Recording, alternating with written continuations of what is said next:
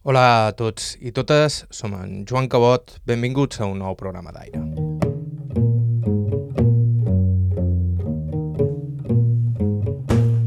Fa unes setmanes vàrem tenir l'oportunitat d'escoltar el testimoni de Pep Nadal Estarelles, Pep Picarola, nascut a Bunyola l'any 1922 i per tant centenari.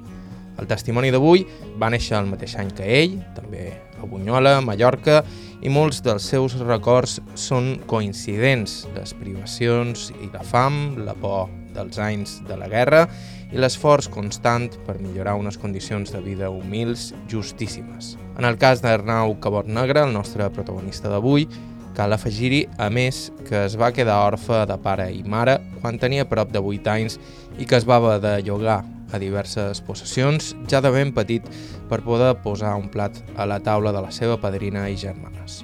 Així tot, aquell nin, bon estudiant, tiraria endavant i acabaria entrant a la Universitat a Barcelona i fent feina de comercial a la península durant més de 40 anys, convertint-se en l'home educat i afable que tenim davant avui. Escoltant-lo parlar, sembla difícil de creure que ja tingui 100 anys. De nou, un testimoni increïble. Estau escoltant Aire i Vetre Ràdio, us parla Joan Cabot, començam.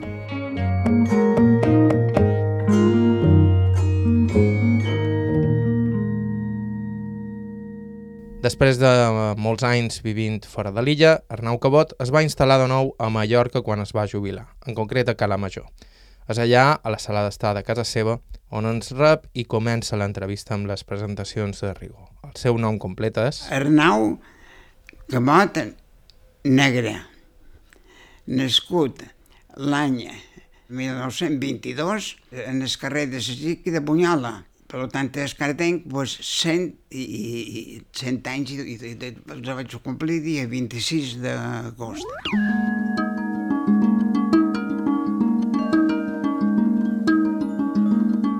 La família eren ell i dues germanes i son pare era sabater. El meu pare se dedicava, era eh, sabater, feia negoci de samates feia, feia generalment noves, no?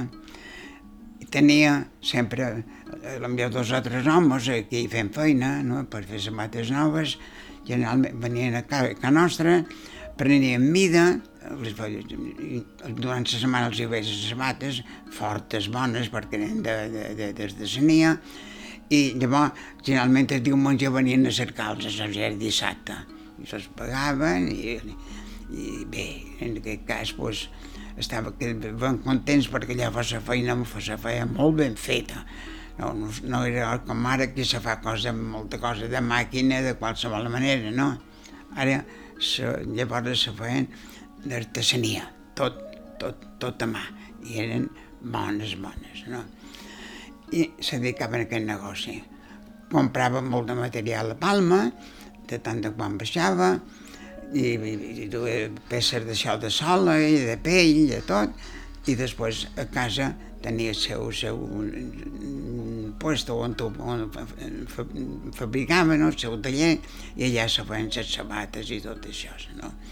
I així anava, anava anar fent. I la família, pues, de família, tenia una germana que quan va morir eh, tenia 12 anys, jo en tenia 10 i una germaneta petita que en tenia eh, 6 o 7, em sembla que era.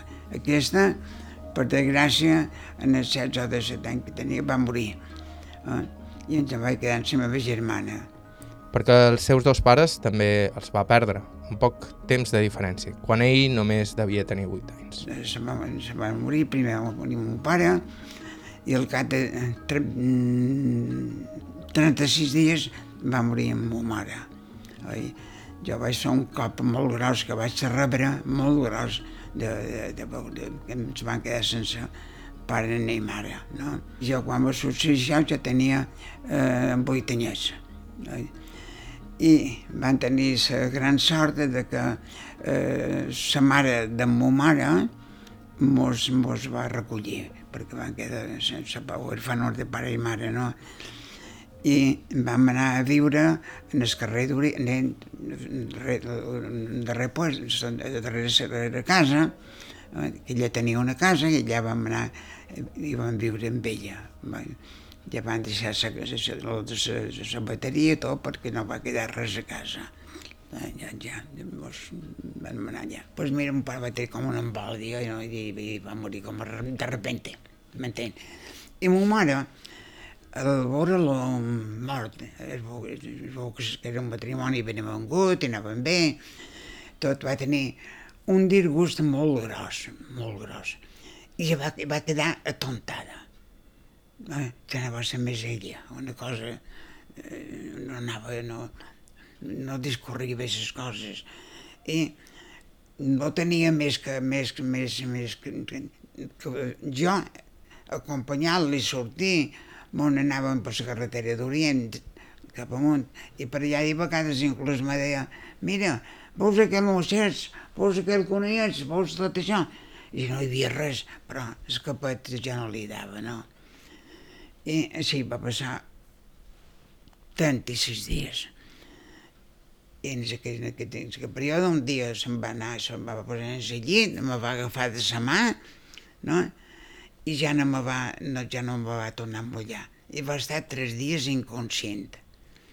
Jo vaig veure el rector, que, que estàvem al costat de la rectoria, i li vaig dir a veure si, que ma mare estava així. I va venir, la va confessar, va combregar, i en els tres dies va morir va estar tot el dia a casa nostra perquè els enterros de Bunyola no se feien com ara que hi veu una furgoneta i el agafa i el s'endú al cementeri. No hi havia res tot això. Perquè a Bunyola no hi havia més que seren cinc o sis cotxes. En tot Bunyola, i ara n'hi ha mil o, o, i pico, no sé quant, no pots per allò perquè tots, tots són cotxes. Hi havia un que es deia el cotxe de Can Mavet, el cotxe de, del metge Toni, i eren dos, l'amo Andreu Marieta, que tenia la possessió que se diu en Barcelona, eh, que tenia dos, un per anar de recreu per la pesca i un altre per, per anar per ahí, dos, i qui era més? Qui era més que tenia cotxe? Això, cinc cotxes, no res més, eh, havia, no? tot eren carros. No? I com que no hi ha fàbriques a Bunyola, indústries, doncs, pues que generalment la gent tenia que anar a treballar en el camp. Feia feina de campesino, llaurar, o sembrar, o cavar, o tal. I s'anaven al matí i venien al vespre. I clar, era quan s'enduen els morts. No els podien dur al dia perquè no hi havia quasi homes per dur-se no cap allà. No? I al vespre van venir els, els parents, de la feina i la van enterrar per allà, eh, ja la part del tard, no? Comprèn? Van passar, era bastant, va ser quan, quan els van quedar sense, sense, sense res, no? que no tenia més que això. La padrina que mos va recollir, eh? La padrina ho feia, ho feia tot. Feia calceta i amb aquelles calces, fent aquella calceta, una li donava una cuinadeta de ciurons, una altra una cuinadeta de fe, de, de, de, de, fesols, una altra de... En fi, eh, i així vam anar visquent de tot, oi? Van ser uns anys molt durs, oi? Molt durs, perquè no hi havia res, no. Recordau un poc el caràcter dels vostres sí, pares? Sí, el meu pare, un home molt enèrgic, molt enèrgic, molt, de molt, sempre emprenedor, feina. No?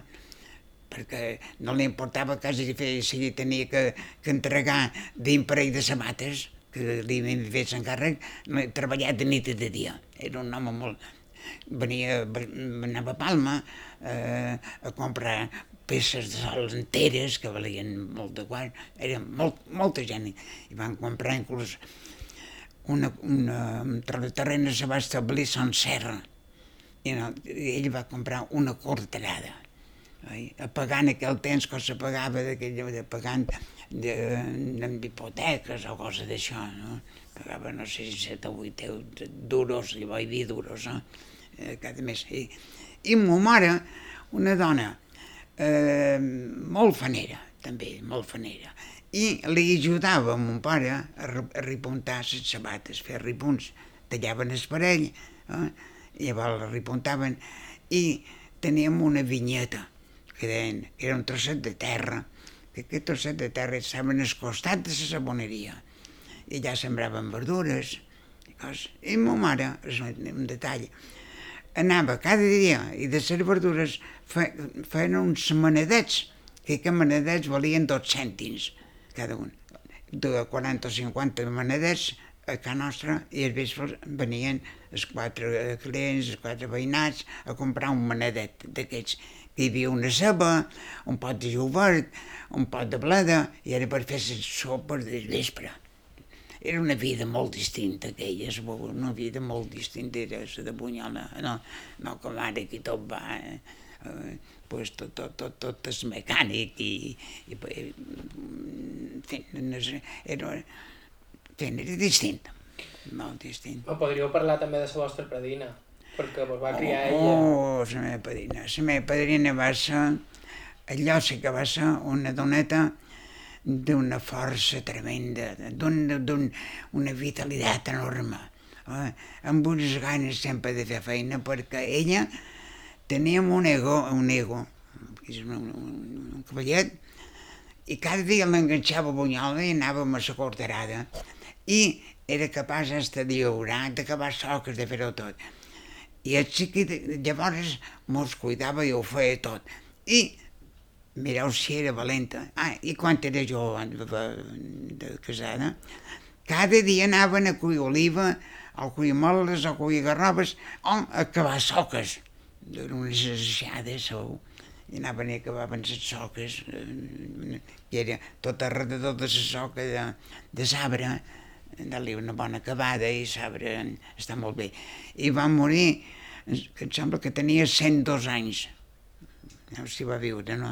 que ja no s'aguantava quasi de res. Però la pobreta pues, estava asseguda amb un balancís i passava el dia. Una filla, l'altra filla que tenia, que era la tia Antonina, que era la germà de ma mare, li preparava de menjar, ella menjava, però una dona molt fanera, sempre havia fet molta feina, i mos va cuidar amb un carinyo tremendo. Ella deixava de menjar perquè menjava nosaltres oi? Mos va criar per tota classe de mimos.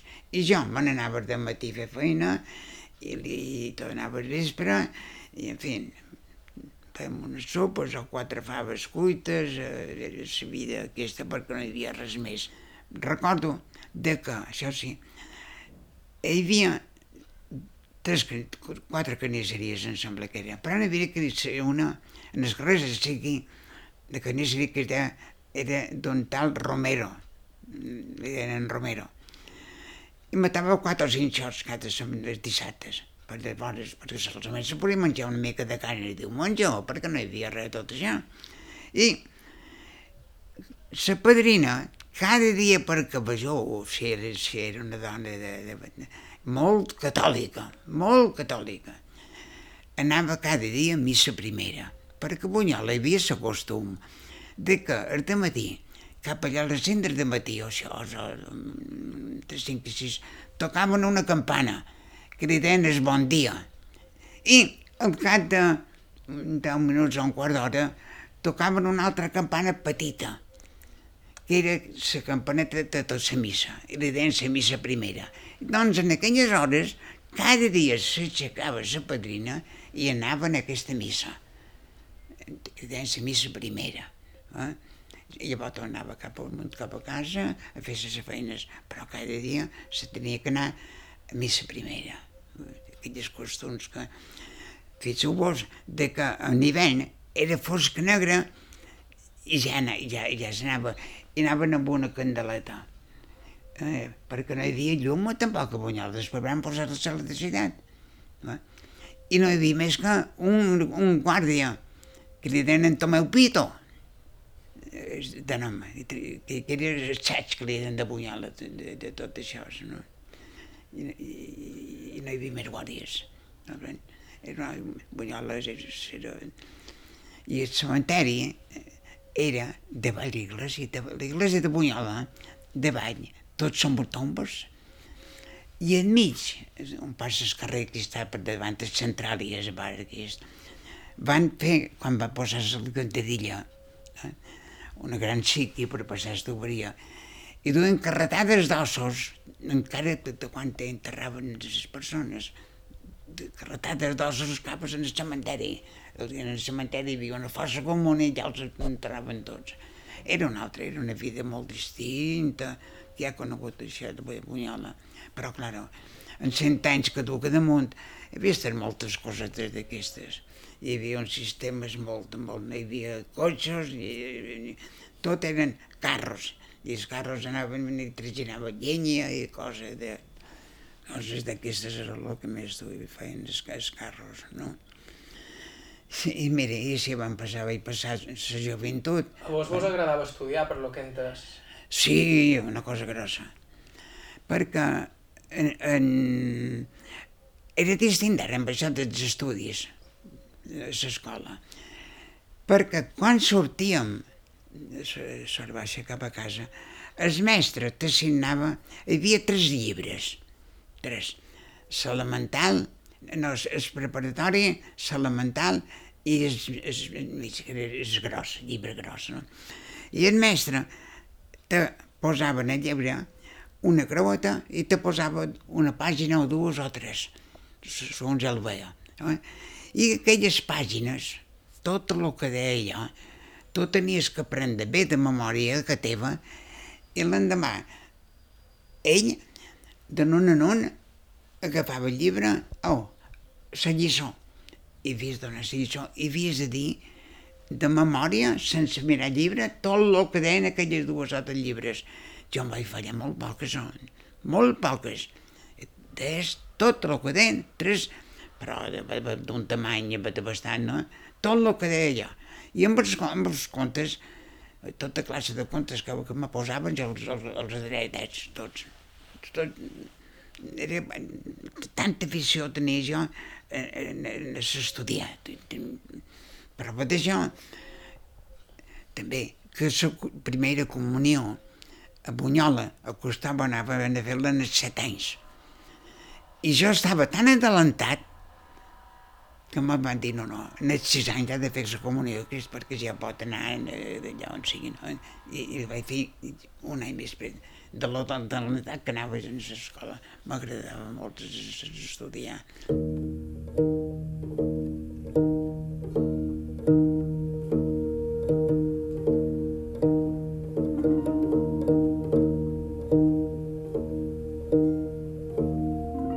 no va fer va ser el servei militar, precisament perquè era orfe i havia de mantenir la seva padrina i les seves germanes. El servei militar va passar una cosa, de que com que era huérfano de pare i mare, no? perquè mes va ser la porta, mort de mon pare i mon mare, però 36 dies de diferència d'un mes, no?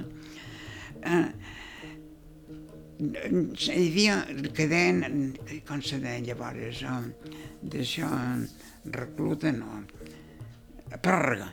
Tenien alguns, per exemple, els que només tenien sa mare, que estaven bé baldats o que els hi passava alguna cosa, tenien una pròrroga.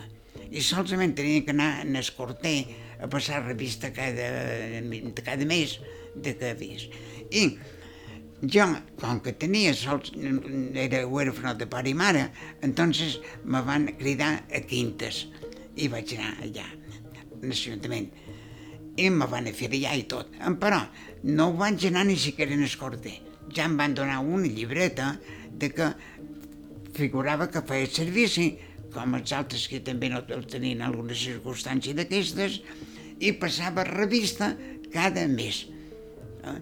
fins que un dia em van dir, ara ja tens absoluta, que llavors la donaven en dos anys, en els tres, no sé, una, una cosa així. No? Això va ser el servici meu. No vaig anar a fer servici per la raó que és de ser huérfano de padre i madre i tener a mi sostén, va posar el secretari de l'Ajuntament, a mi sostén, aquesta nina petita que tenia, que li he dit que tenia vuit, això, tant, tant, vuit anys, o era petita, i la padrina. Van figurar de que, jo, de que jo tenia, tenia que anar a fer feina per mantenir-nos tots. I me vaig llibrar del servici militar. No vaig anar ni un sol dia. Eh? en el, en el quartel. El servici militar solament vaig veure que quan això de la guerra, tot el temps que vam estar en període de guerra, no?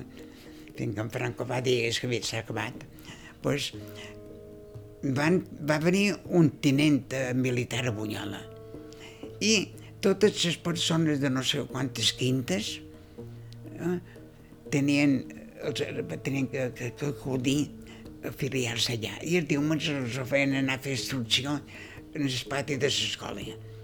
Per si a cas se necessitava gent per anar a tirar, anar en el front de, de, de, de, i va ser quan hi va haver el desembarc de Porto Cristo.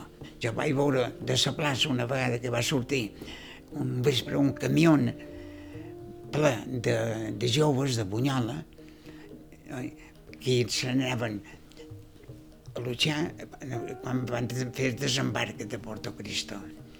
I una mare, que ja me'n recordo, de, de, de, de, seu fill li va dir no me venguis sense que no me duguis una orella d'un roig, perquè hi havia los rojos i los blancos.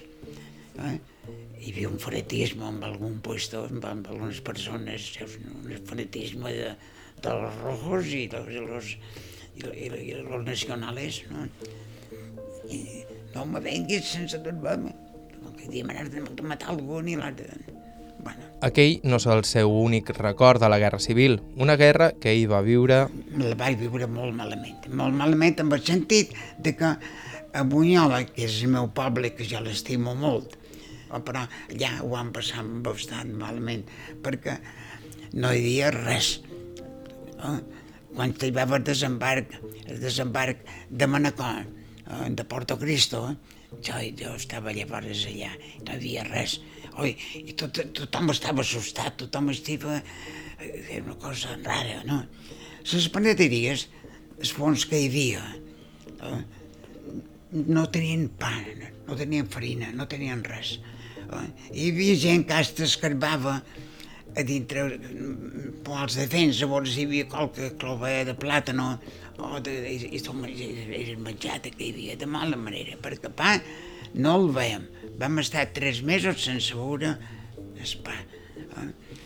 Llavors van, ja van dur unes saques de farina d'aquesta de farina de blat de les Indris, que deien, era això. I això molt, i van fer un paneteig i van començar això, cap de tres mesos a menjar això, però hi havia una fam grossa. I nosaltres, com que ens havíem quedat en el carrer, com aquell que diu que no teníem res, pues mira, ens havíem de conformar el que mos, lo que, mos, lo que trobàvem. Eh? Un jornal petit, llavors les possessions que te donaven un, mica de berenar, que no, jo dic, anava, anava mantengut, que no, no hi havia res de... Mira, sopes amb faves o faves cuites, perquè eh, a la Corea de Vall, per exemple, pues mira, un dia faves, un dia ciurons i un altre dia llenties, eh?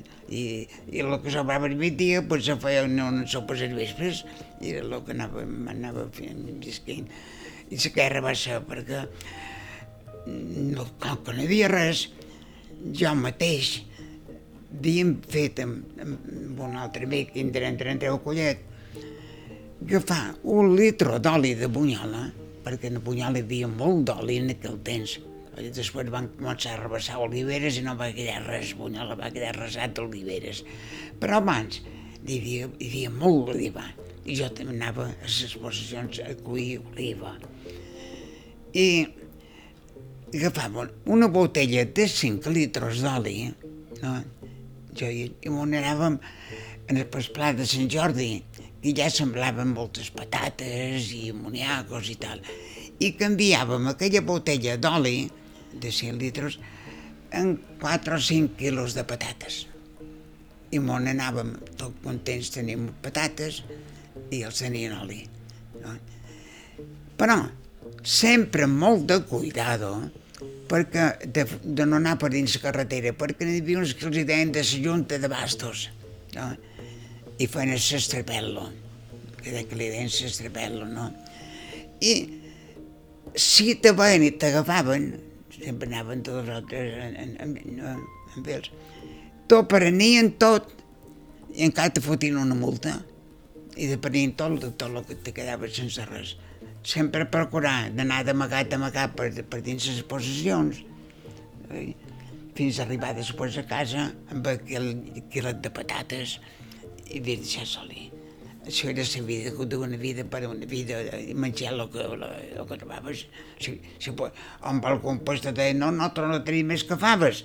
I te, te donava 3 o 4 quilos de faves, a canvi d'aquella bot per soli era molt apreciat. Eh? I soli de bunyola, era boníssim, perquè allò era un bon oli. I jo vaig anar a cuinar oliva per fer aquest oli a Benifrani nou i a Benifrani vell. I ho fa bé però generalment aquests pirifrani nou feien un oli estupendo i amb això fèiem els canvis. Sí que la guerra me va agafar de plena, però llavors ja se va acabar i van, anaven molt, molt justos, a la qualitat ens donaven, donaven bon pa, eh? i després a, a l'Estremera, Can de Meto, eh, també tenien possessió per la part de Sineu i, i la part de, de, de, de Manacor, Sineu sobretot, una exposició que cuien blat, feien pa, feien farina i feien un panetès de, de ració per tot el dia. Te daven un panetet de matí i ja tenies per tot el dia. Sé que la guerra va ser bastant i va, començar a haver algunes coses més i tal i tal, i aquí ja va ser quan jo ja me'n vaig anar ja vaig deixar tot i ja vaig anar a Can de Meto i ja, ja anava menjant, ja anava visquent, fins que me'n vaig anar a Barcelona. A Barcelona hi cursaria estudis universitaris i hi viuria, de fet, bona part de la seva vida fins que es va jubilar. En uns segons ens ho explica. Estau escoltant Aire i Betra Ràdio, fem una breu pausa i continuem escoltant la història d'Arnau Cabot, 100 anys recent fets el passat agost. Tornem en no res.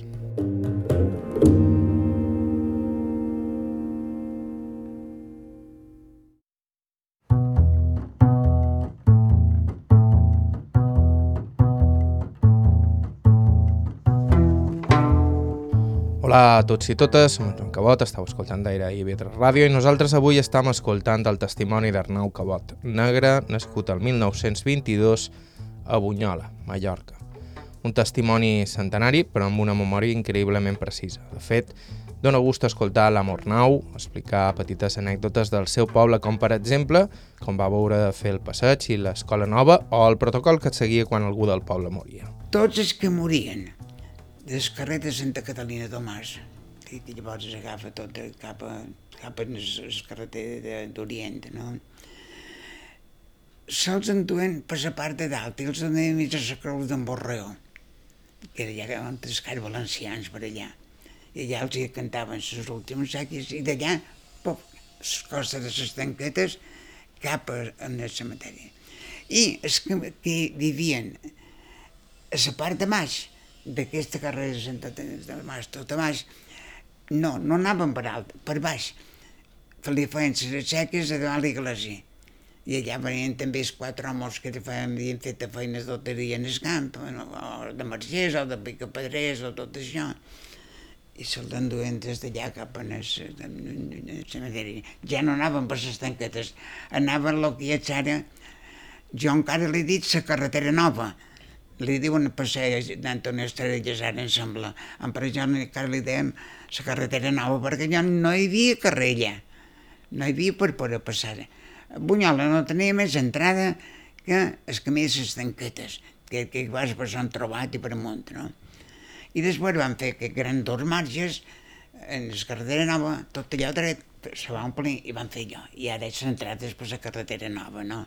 Perquè per alt ha una costa molt pronunciada, i més, més, és millor anar per allà.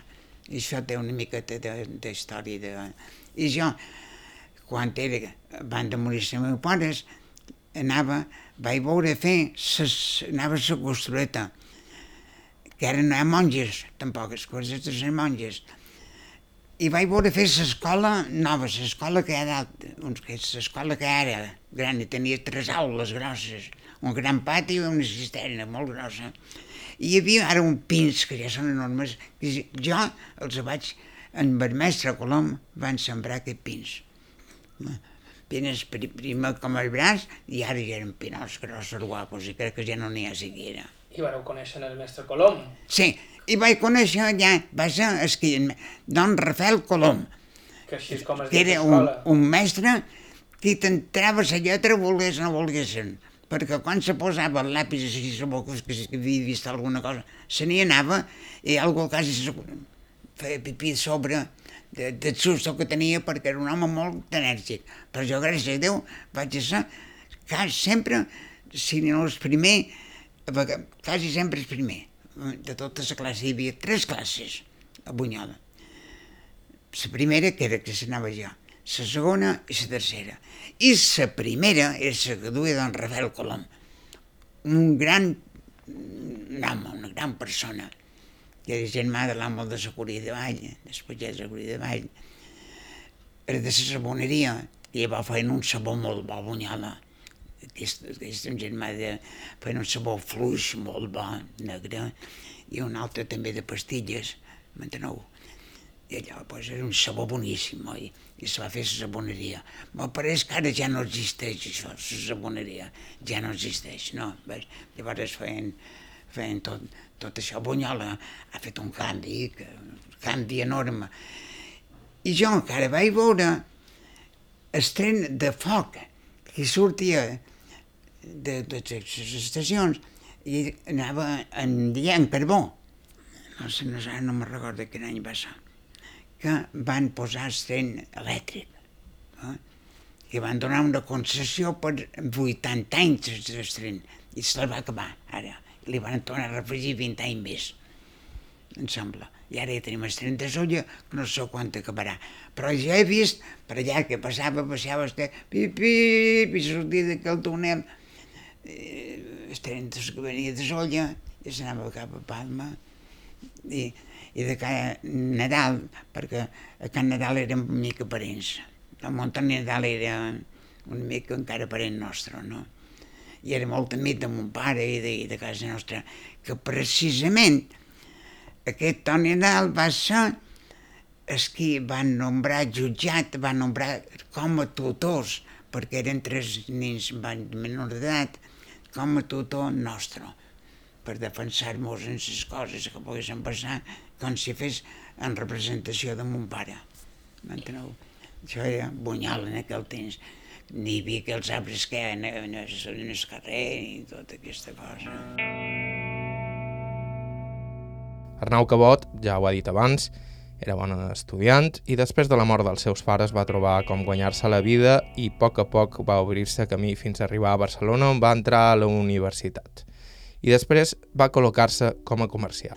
Me tenia que guanyar la vida així com millor podia, perquè veus, en, en les malalties del pare i, i ma mare, pues, eh, ens van quedar bastant eh, sense res. Eh? I, I jo anava pues, de missatge per aquí, per allà, i fer feina de, també de- d'això de, de margers, ja picapedrers, i que així com podia guanyar-me la vida. Fins que me vaig, me van llogar a Benissà. I a Benissà hi vaig estar un quants, un quants anys. Però llavors a Sauqueria de Vall, que hi havia la Monguiem, que li deien la Monguiem els pagès, era un... allà mira, feia feina de camp, de llaurava i feia totes... sempre feina de, de, del camp. No? Fins que un cosí meu, que era un Llorenç Saragante, que li deien, Llorenç Saragante, eh? era molt amic del senyor de l'Estremera Nova, don Nicolau de Meto.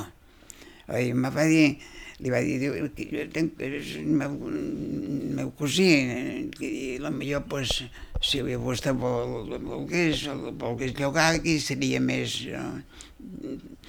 I don Nicolau va dir, pues sí, sí, i vaig anar a estar a l'Estremera. I a l'Estremera hi vaig estar un, tres o quatre anys, no? fins que un dia el senyor me va dir Arnau, hem pensat de que eh, si volgués ser benista amb nosaltres a Palma, oi? Eh, com de criat, aniries, eh, i en fi, en vez de- d'estar a l'Estremera, doncs aniries a nosaltres a la casa que teníem a Palma. no? Una casa de, de molt gran senyorial i tot això. Cantat, jo encantat. Ja, aquí ja vaig començar a canviar de vida, eh? d'anar a llaurar, anar per aquí, anar per allà. I des de, i eh, vaig estudiar una miqueta, que ja tenia bons estudis, eh, me'n vaig anar a Barcelona, perquè la meva germana, aquesta, havia, se l'havia llogada un, uh, uns senyors que venien a berenar a Bunyola. I se, se, se llogaven una, una casa cada any aquí, en la costa de l'estació. I aquests senyors des de Barcelona, la meva germana amb ells, li van dir que si volia, doncs res, a Barcelona, jo estaria amb la meva germana, aprendria algo de la feina des que, que havia de fer, de, del magatzem i, i tot això, que era un magatzem de tornilleria en general, era eh, tota classe de tornilleria, tota classe, des del gran ponet de fusta fins al gran tornilló del barco, tots, tots els, eh, ho, ho tenien. No? I, I vaig estar eh, així, aprenent 4 o 5 anys, una cosa així, no? I preparant-me sempre perquè la meva finalitat era que tenia que anar pel món, sortir, no? de representant de la casa, representant viatjant, per anar a veure clients. I quan ja vaig estar ben ensenyant de tot això, doncs me van, me van, ja me van preparar tot. Un dia el dueño i gerent i tot, dins del despatx, amb un mapa, me va indicar tota la meva ruta, que era de Madrid cap amunt. Començava per Saragossa, no, per Huesca, sempre començava per Huesca. Huesca, Saragossa, Logroño, Pamplona, Vitòria, Burgos, Valladolid, Salamanca, Béjar, Zamora, Orense, Vigo, Pontevedra, Villagarcía, Santiago, La Coruña, Lugo, Ribadeo, Vegadeo, luego baixava baix cap a, cap a León. Eh, I de León ja Sòria i passava per Saragossa, que ja, ja estava sempre uns 15 dies perquè teníem molta feina, era molt, una plaça molt bona, i ja, ja acabava la ruta, ja acabava la meva, la meva ruta, no? Ja tornava a casa, a Barcelona. I vivia en el passatge de Lió, número 29, encara me'n record, que està en el passeig de Sant Joan. Em va donar de la travessera fins en el. No? Estava uns 15 dies, ja a la casa, m'informava de tot i tal, i llavors tornava a sortir.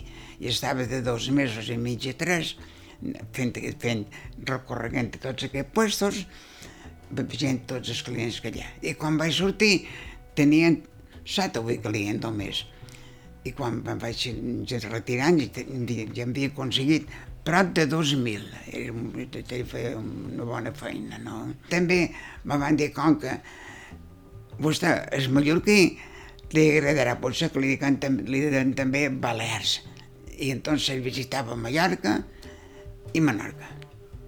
I tinc una petita anècdota dels primers, els primers, primers clients que vaig veure, que vaig i li vaig dir que visitar-li un tant d'Antoni Ponsell, i arreglava cotxes. I, i, el vaig trobar de molt humor, molt mal humor en aquell home aquell dia, molt mal humor. Me va dir de tot. Estava com a loco, aquell home. I jo, com que havia anat a la universitat i ja m'havien ensenyat el que era un, un, un agent comercial, representant, calla i dona-li sempre la raó al client. Eh? Dona-li la raó. Després fer-li entendre si va bé o si va malament, però dona-li la raó. I li vaig donar i li vaig dir, don Toni, l'he vengut a tot això, però el veig molt ocupat. I com que el veig molt ocupat i que està una mica nervioset tot això, si li sembla el deixem fer tot per avui. I un altre dia, en tranquil·litat, ja vendré i parlarem, ja parlarem de negoci, tot el que vostè vulgui i tal i qual. Ai, que content estic que m'ha deixat que vostè... Bueno, bueno, vaig deixar. Que no ho hi vaig tornar i, i em va rebre, així com abans havia sigut eh, agarrotades, pues, amb bones paraules, amb una gran salutació, i em va dir, ara, abans de res, d'anar fent un cafè. I vam anar fent un cafè en aquell temps. Pues parlara de, de molts anys endarrere, de 70 o 80 anys endarrere, eh, o més. I llavors van tornar i ja vam anar a la feina. I des d'aquell moment va ser el client millor que tenia a Mallorca. Eh? perquè, vaig, perquè vaig anar així com s'han d'anar les coses a la vida, no, no s'ha d'anar eh, corregudes i parades i malcrits i renou i, i bregues, no. Calma, que, que el diàleg llega l'entendiment, no?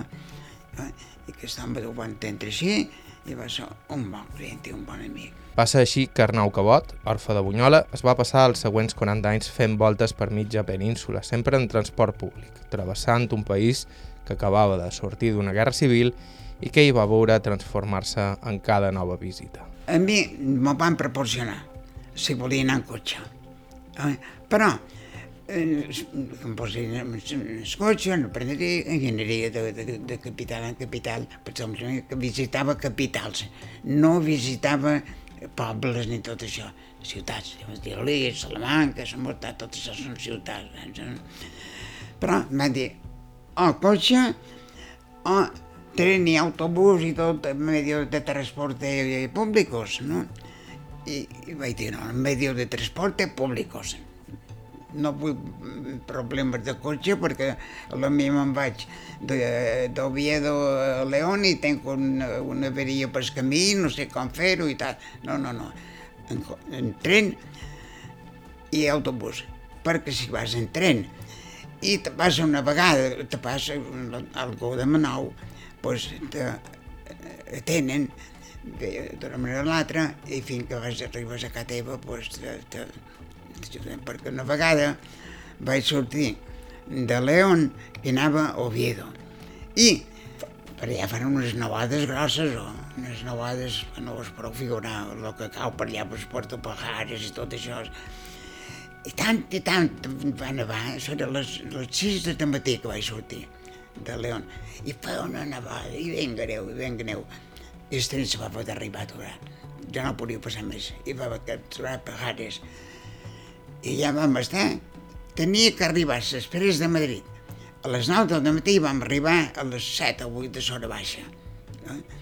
Perquè un vagó amb bocadillos i coses, va venir de Gijón fins allà, fins a, a Pajares, carregat de bocadillos i de pans i tots, i cada viatge ens van anar donant un per cap, llavors totes les viatges eren molt ben atesos, no, no com ara, i, i les trenaves, tren tal, i tot gran velocitat i tot gran, però, però el viatge no té aquelles coses que tenia llavors. Llavors era familiar, una a l'altra, perquè dins els vagons, que eren vagons de, de, de, de, de 10, de 10 en 10, en els que viatjava jo, pues, a la millor hi havia alguns que viatjaven i anaven de, de Madrid a Santander, per exemple, pues, si duen dinar preparat, eh, quan anaven a, a menjar perquè el viatge durava 10 eh, o 15 o 20 hores, eh, pues sempre te convidaven, obrien el eh, truit amb patates, el truit amb xoriço, en fi, era una altra classe de, de, de, de bon allò.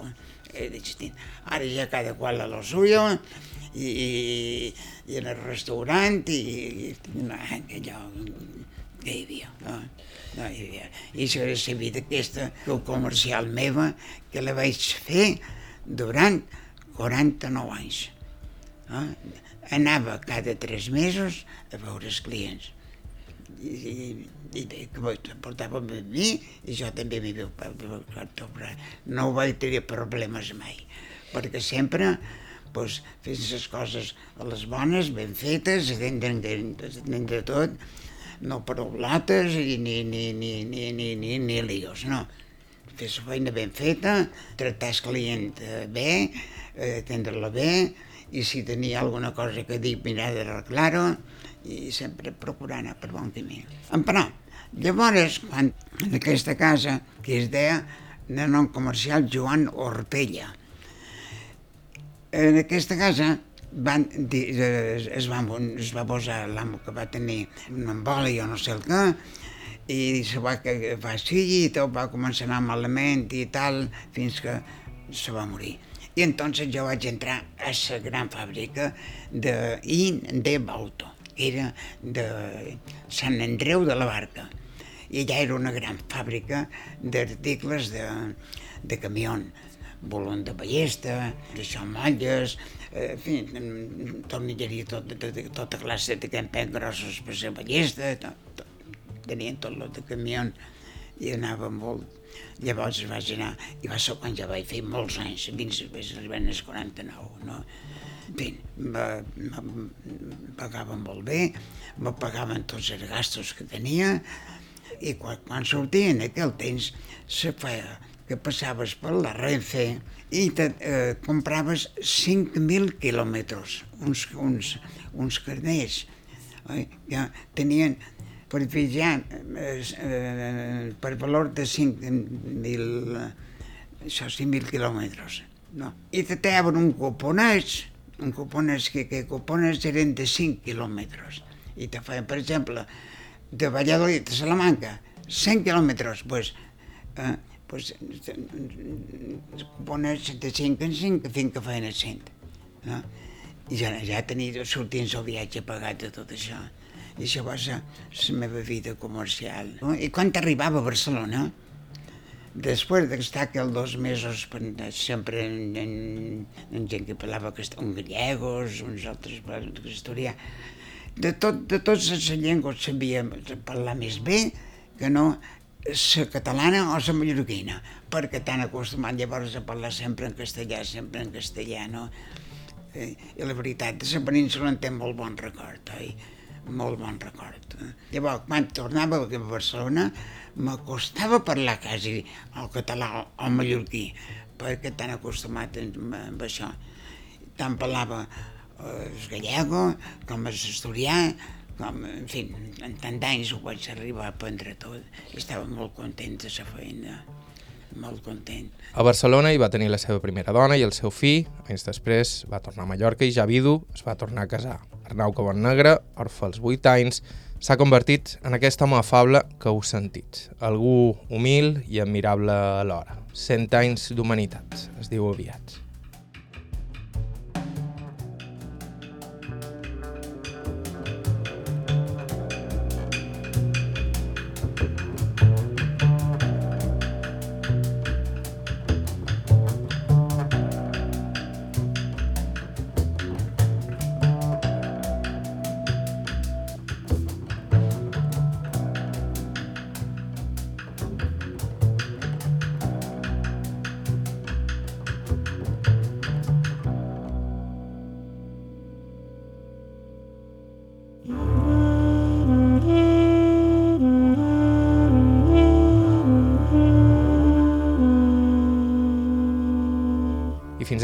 D'avui. Moltíssimes gràcies a Arnau Cabot Negre pel seu temps i amabilitat i moltíssimes gràcies a Bàrbara Suau i Maria Cabot que ens van facilitar el contacte. Sempre estem cercant testimonis, així que si teniu alguna proposta o suggeriment ens podeu escriure a aire.ivetresradio.com. La millor manera de no perdre's cap dels nostres programes és subscriure's al nostre podcast a qualsevol dels agregadors disponibles o bé a través d'ivetres.org barra carta on trobareu tot el nostre arxiu. La música que feim servir habitualment és de Joshua Abrams, Marisa Anderson amb Jim White, Jamo Tugores, Oren Ambarchi amb Johan Berthling i Andreas Berlin i Charles Rumbach. Bàrbara Ferrer la producció executiva vos ha parlat. Joan Cabot, gràcies per ser a l'altre costat i fins la setmana que ve.